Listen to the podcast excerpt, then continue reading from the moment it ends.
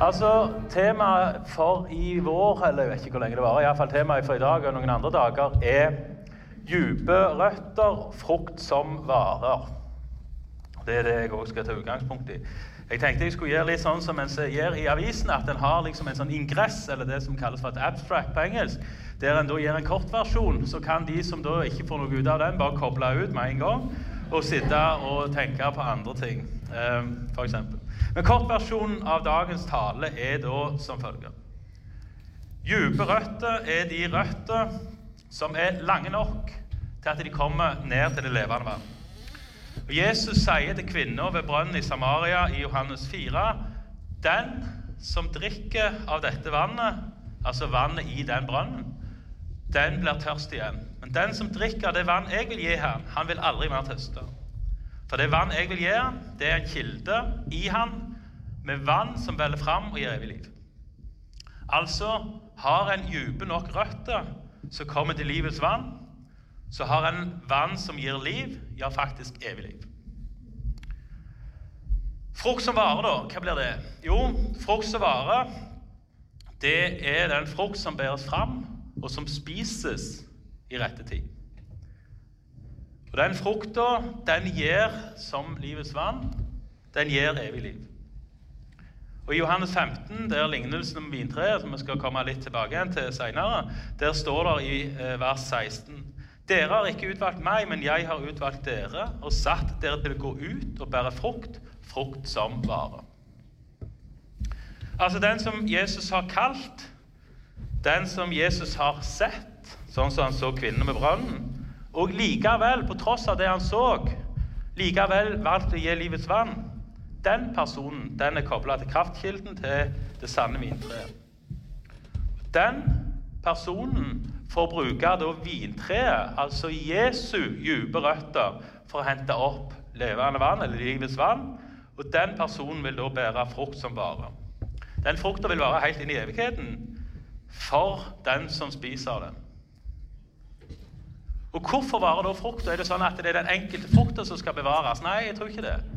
Jeg tror frukta varer inn i evigheten fordi det kommer noe ny frukt hele veien. Det er noe dynamisk i dette. her, Det kommer noe nytt hele veien. Ny frukt som kan komme og komme og komme, velle fram til evig tid. Altså ikke noe som skal konserveres, og ingenting vondt om hermetiske eh, ting. Men poenget her er at det skal etes ferskt og det kommer på nytt og på nytt. Det var kortversjonen. Skal vi be litt før vi går mer i dybden? Pun intended for de som ikke tok den dype røtter. Vi skal mer i dybden etterpå. Men først la oss be. Kjære Jesus, takk at det står at der, du, der to eller tre er samla i ditt navn, der er du midt iblant oss.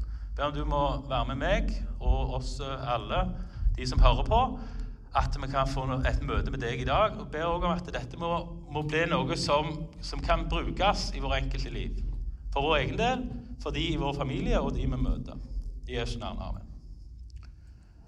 Og så den lengre versjonen. Og Da begynner vi selvfølgelig i starten av Bibelen, veldig tidlig i Det gamle testamentet, og så holder vi det gående langt ut igjennom.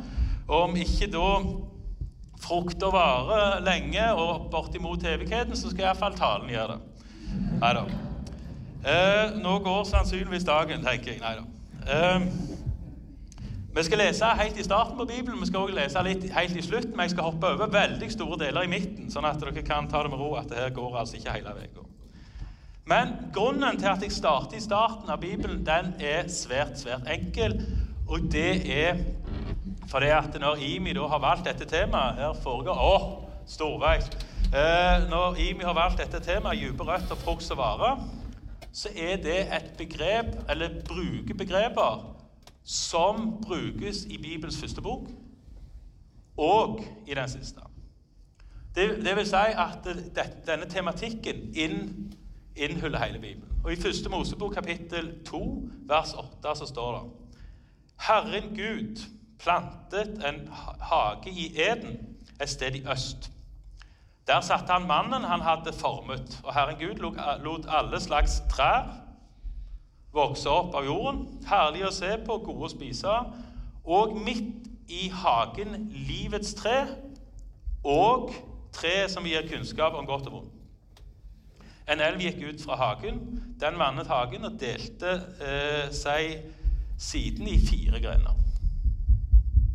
Derfor jeg la litt, gjerne litt i overkant uh, trykk på òg, men det er to trær som det snakkes om, og det er litt viktig. De må vi ikke blande i hop, for da blir det rør.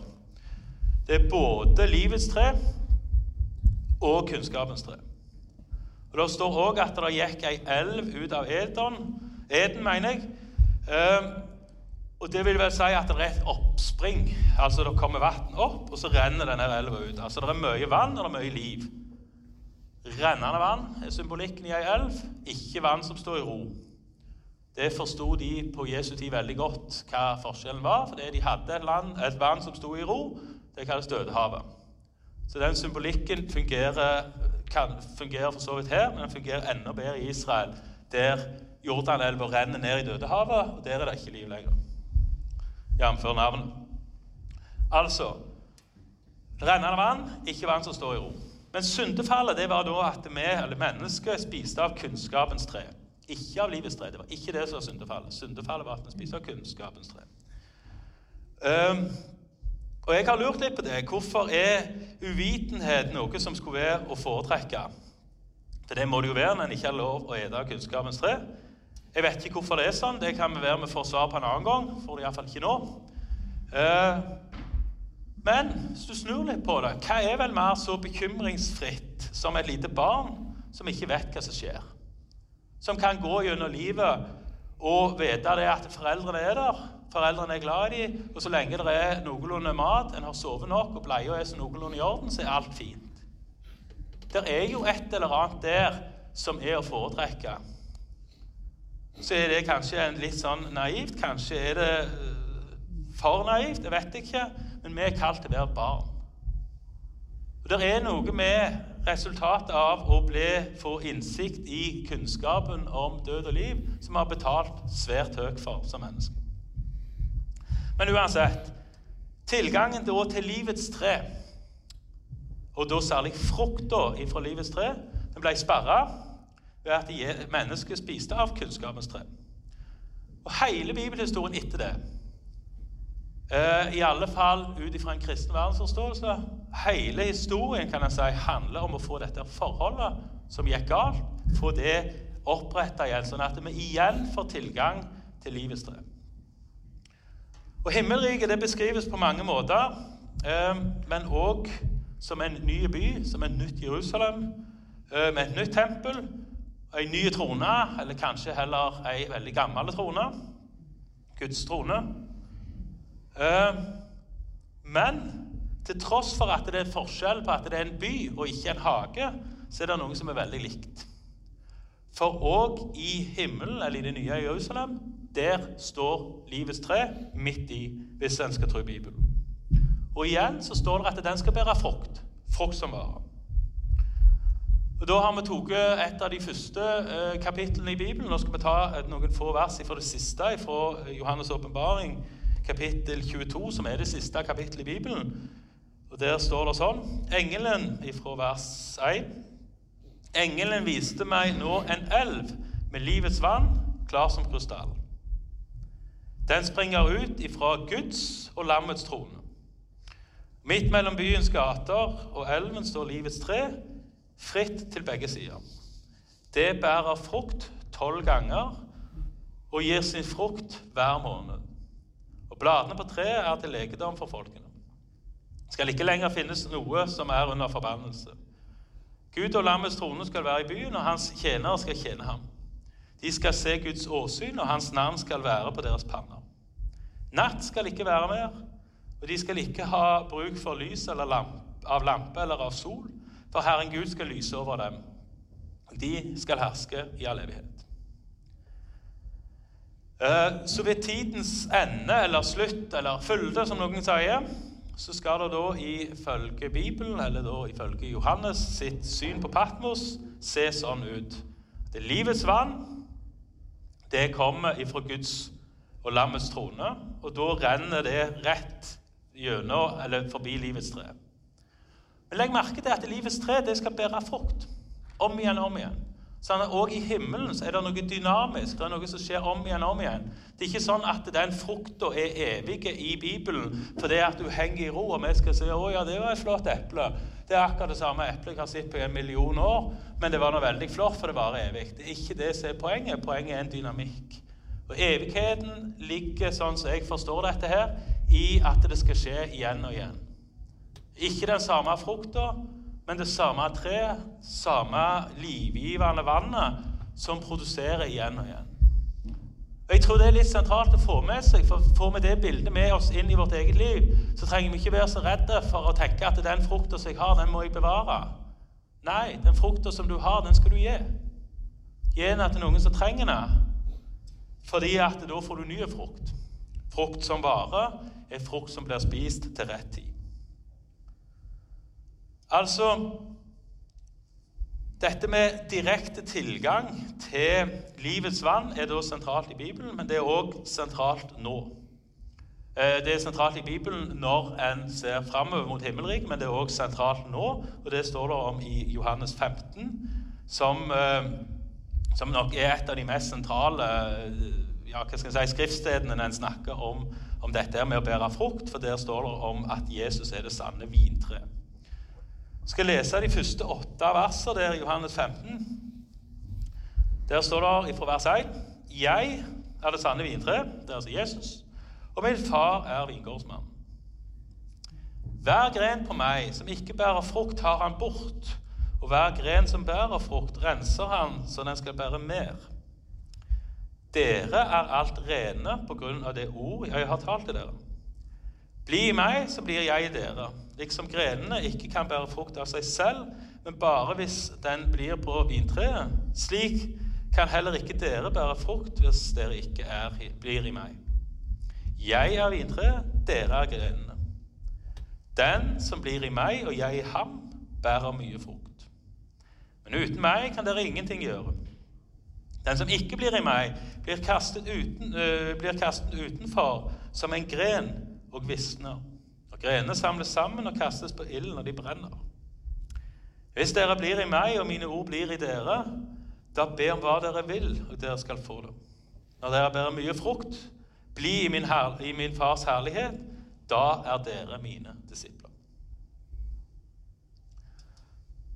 Dette er en veldig alvorlig tekst, særlig for det står noe om de greinene som visner de greinene som faller av, for de skal kastes på ilden. Det skal en ta på alvor, men jeg tror ikke en må stoppe opp der. Jeg tror en må si, holde progresjonen, en må lese videre. For det står noe etterpå. Det står noe om de som blir i mine ord, altså Jesu ord, altså de som leser i Bibelen. De som tar til seg av det som Jesus har å gi. De som lar på en måte vintreet og, og hva skal en si, de dype røttene fylle den, de skjer det noe annet med.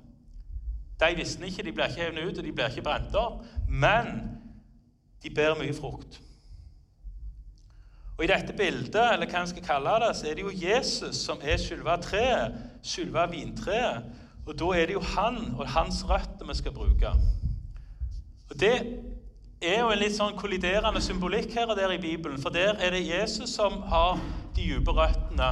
Andre plasser så er det ikke det. Eh, mens andre plasser så er det våre røtter, eller manglende sådan, det snakkes om. F.eks. hvis vi leser lignelsen om sårmannen. Det skal vi ikke gjøre nå, men jeg bare tenkte å trekke det fram. Lignelsen av sårmannen, så er det en mann som er ute og sår korn. Sånn Fra et litt sånn bondsk perspektiv så vet han ikke helt hva han holder på med, for han sår i hytt og vær. Eh, Riktignok er såkorn relativt billig, men det er ikke gratis. Og han sår som om det var gratis. Og hvorfor gjør han det? Jo, for han har mye korn. Og for det er all avling er bedre enn ingenting. Men der står det noe om at noe såkorn faller i grunn og jord. Det får altså ikke de dype røttene. Det brenner fort opp, og når sola kommer, så visner det, og så dør det. Det er òg en symbolikk som en kan ha med seg. Men jeg tenker òg at dette her med med å få bruke Jesu røtter en annen symbolikk. Så går de litt sånn av og til litt imot en annen, og sånn, men sånn er det kanskje òg med livet og med, med, med, Bibelen. At ikke alle ting går, går helt opp i den enkeltes liv hele veien. Sånn at ta med begge de to hva skal jeg si, symbolene og lignelsene som for å prøve å få en balanse i det. Men jeg tenkte jeg skulle si noe om, om, en annen ting, altså andre steder i Bibelen der det refereres til dette med røtter, dype røtter og med vann. For det er en ganske åpenbar symbolikk i Israel der det er en del ørken. Det er òg noen plasser som bærer ekstremt altså Hvis vi tenker jordbruksmessig, så er det noen plasser som det er en ekstrem avling. Jesus snakker òg om det i lignelsen om såmannen oppe i 100 fold. Det har vi ikke her oppe på berget, for å si det forsiktig. Ikke engang østlendingene klarer det. Eh, gjerne 40, eh, mener jeg. Men uansett, det er vann, og det er ørken. Og med de to uh, motsetningene så fungerer dette bildet veldig godt. Og hvis en leser i Bibelen, så vil en se at det er faktisk kriger eh, som har blitt starta pga. vann. Så det, Hvis en tenker at det startes kriger pga. vann, og sånne ting, så er det ikke nytt. Det har vi òg i disse dager, men det er ikke nytt. Det har det vært hele veien. Det kjempes om vann, og det kjempes om elver. Her er jo Jordanelva sentral. Og det kjempes òg faktisk om vadesteder. Altså der elva går så seint og er så flat og brei at du kan gå over den trygt. Det er et vadested. Um, leser dere i Josva-boka og ut gjennom dommerboka, så kan en se at byen Jeriko, som da Josva inntok først Den kalles også for Palmebyen. Det kan være litt greit å vite hvis en leser, for de ikke alltid bruker ordet Jeriko. Så hvis du leser om Palmebyen, så er det altså Jeriko de snakker om. Og Den ligger på vestsida av Jordanelva. Og den er en av verdens eldste byer. Og den er òg en av de byene som ligger lavest. Skulle jo tro at Nederland var de som var ute og kjørte med å ligge et par-tre meter under havoverflaten. Jordan eh, slår de ganske heftig. Den er mer enn 200 meter under havoverflaten. Langt nede i en dal, men på sida av ei elv. På sida av Jordanelva, og før da den renner ut i Dødehavet. Og Der har det vært flere, byer, eh, flere kriger rett og slett om disse her vadestedene, fordi det er så sentralt å ha tilgang til vann. Har en tilgang til vann, så kan en drikke av vannet, men en kan òg dyrke. Og Derfor fungerer denne symbolikken veldig bra. Og i Jerusalem, som ligger kun 2-3 mil tror jeg, fra Jeriko, men som ligger på en høyde, altså 300 meter opp i forhold til Jeriko, og da 100 meter over havet, der er òg vann viktig, av en litt annen grunn, for den ligger jo da mye høyere. Så dere kjører til Sola herifra, så vil en passere eh, Trafikkorridor Vest, som eh, Bjelland bygger for livet for, eh, for Statens vegvesen. Hvis du spør deg, så tenker jeg jo kanskje at det med vann og over, overvann og dimensjonering av avløpsrør ikke er et, et gode for deres vedkommende. For det regner ganske mye. Det er vann alle veier. De har pumper nede i disse hullene rett og slett for å få vannet vekk. Så der fungerer kanskje symbolikken litt mot sin hensikt. Jeg, jeg, har ikke, har ikke tålt hadde vært løye og prøvd, prøvd denne preika for dem mens de grov. Det har jeg altså ikke tålt. Men, men det hadde vært løye å hørt hvordan de så på dette. For det er en helt annen symbolikk når det er vann som renner hele veien. Um, men i disse her tørre områdene så er dype røtter viktig. Og Symbolikk kan jo virke selv når det regner mye, så kan det i fall virke symbolsk i våre liv. Hvis en har en opplevelse av at det er tørt i kristenlivet, at det liksom ikke er noe som en får daglig påfyll, og at en liksom frykter at en skal dø ut. Da fungerer symbolikken helt, på en helt annen måte. Da er det viktig å ha tilgang, enten sjøl eller via Jesus, til så dype røtter at du kan hente opp noe som varer, og når det er tort rundt deg. Så det er så dypt at, det, at det, i røttene faktisk treffer vann. Um, fordi at um, der det er tørt, der òg uh, Der er det behov for vann, og der kan det òg være kilder som springer ut med livgivende vann, står det om i Bibelen. Både i en reell betydning, altså de måtte ha vann for å overleve, men òg i en overført betydning. Og Der tenkte jeg jeg ville trekke fram en som heter kong Hiskia, som eh, levde i Sørriket. Han han var en av de fem gode kongene i Sørriket. Han var den fjerde, så det er da rett før Sørrikets fall, eller Judarikets fall. Og Kong Hiskia han forsto viktigheten av vann. Fordi han eh, var konge når en av asyrerkongene prøvde å invadere dem. Og asyrerkongen kringsatte byen, som det heter på fint. altså Han prøvde å, å eh, få de sulta ut og, og, få de til å gå tom for vann. Men det kong Hiskia gjorde, var at han fikk bygd en tunnel fra ei eh, vannkilde der du liksom kom opp av ingenting, som heter Gihon-kilden, på utsida av bymuren. Så fikk han lagd en tunnel inn til en dam som heter Siloadammen, som kanskje mange har hørt om. Eller Kongebassenget kalles han òg i enkelte kilder. Altså Vannet blir da ledet inn i sikkerhet, sånn at det blir tilgjengelig og mens du er på en måte kringsatt av fiender. En litt krig, krigerisk symbolikk for all del, men allikevel kan det være noe å ta med seg i et, i et liv hvis en opplever at det er vanskelig. Altså, Det går faktisk an å få leda vannet inn der som en er, der som en sitter, der som en på en måte eh, ja, opp, opplever seg alene, så kan allikevel vannet ledes inn. Og Siloadammen er kanskje kjent for de fleste med noe annet. Og det er at det var der stedet Jesus helbreda en blind. Noe som står i Johannes 9. Og At det står om Johannes 9, er viktig å få med seg, for det er jo Johannes som skrev evangeliet. Men det er òg der vi leste om vintreet. Men det er òg han som skrev Johannes' åpenbaring. Altså Johannes, Jesu apostel, den eh, apostelen som Jesus hadde kjær, som han sjøl skriver, han kjente denne symbolikken. Han visste om denne tunnelen. Han visste sannsynligvis om kong Hiskia og disse her. Og han visste om viktigheten av vann, og viktigheten av vann òg når byer er under beleiring.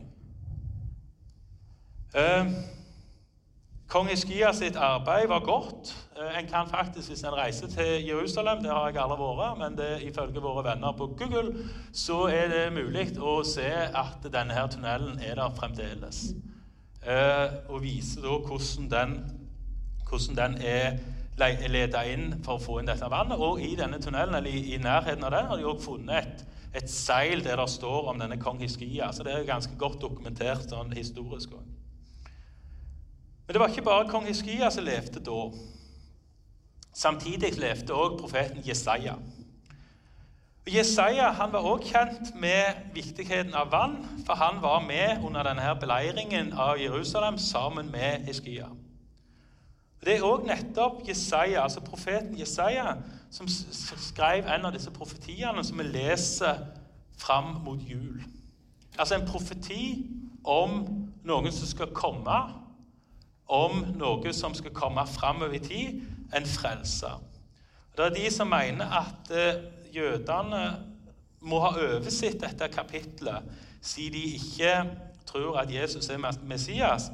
Eh, den diskusjonen får vi ta en annen gang. Den er interessant, syns jeg, fordi det er ganske tydelig altså det er ganske tydelig at det er Jesus for min del. Men det kommer jo an på, øynene som ser. Men uansett, vi skal lese i Jesaja 53 fra vers 1. Hvem trodde det budskapet vi hørte? For hvem ble Herrens kraft åpenbart? Og så kommer det. Han skjøt opp som en kvist for Guds åsyn, som et rotskudd av tørr jord.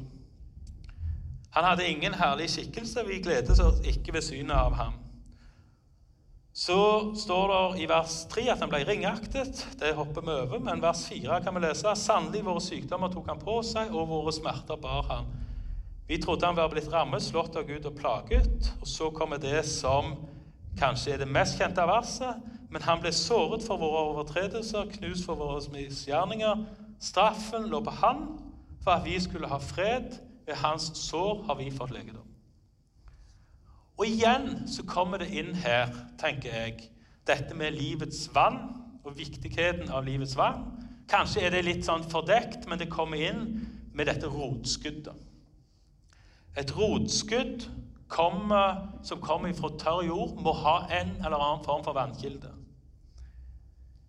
hva er det da som gjør at det skyter fart? Jo, sannsynligvis så er det så dype røtter at det greier å trekke på et eller annet veldig, veldig langt nede. Og kanskje er det en mer talende symbolikk i, Israels ørken enn her, men likevel jeg tenker det er en talende symbolikk òg for vår del. Altså Jesus, eller Guds kraft er så sterk at den kan gi vann til et rotskudd i det som er tørr jord.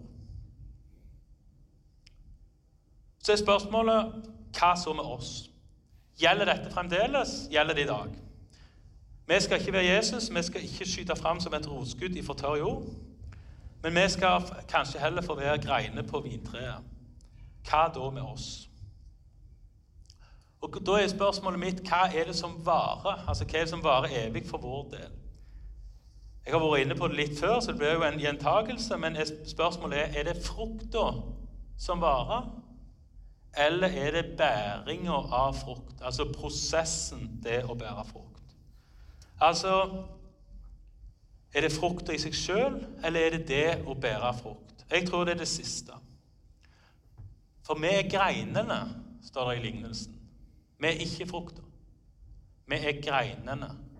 Så er du ei grein, så er det det som er deg, ikke frukta. Sånn at eh, vi skal være greinene. Vi skal alltid være tilkobla vintreet. Det er den evige biten av det. Den dynamiske biten er at vi skal bære frukt. Så det evige i dette med frukt er bæringa av frukt. Um, og Det tror jeg er litt viktig å få med seg, for mange av Bibelens bilder er ganske dynamiske. Noe som er interessant, tatt i betraktning at han har et evighetsperspektiv. Hvordan kan de to gå i hop? Jo, fordi noe gjentas om igjen og om igjen. Bekker av rennende vann. Det står ingenting om at Bibelen skal ha liksom en sånn si, basseng der alt står i ro, og vi bare sitter og venter på at det, det skal bli Dødehavet. Nei, snarere tvert imot. Det skal være rennende vann. Bibelen har også bilder av korn som vokser, osv. osv. Faste ting som fjell eh, brukes kanskje med unntak av Peter, stort sett om Jesus og Gud og andre ting som er mer stabilt og evig. Mens vi og fruktene av eh, arbeid er ofte mer i bevegelse. I alle fall på denne sida, men òg kanskje i evigheten.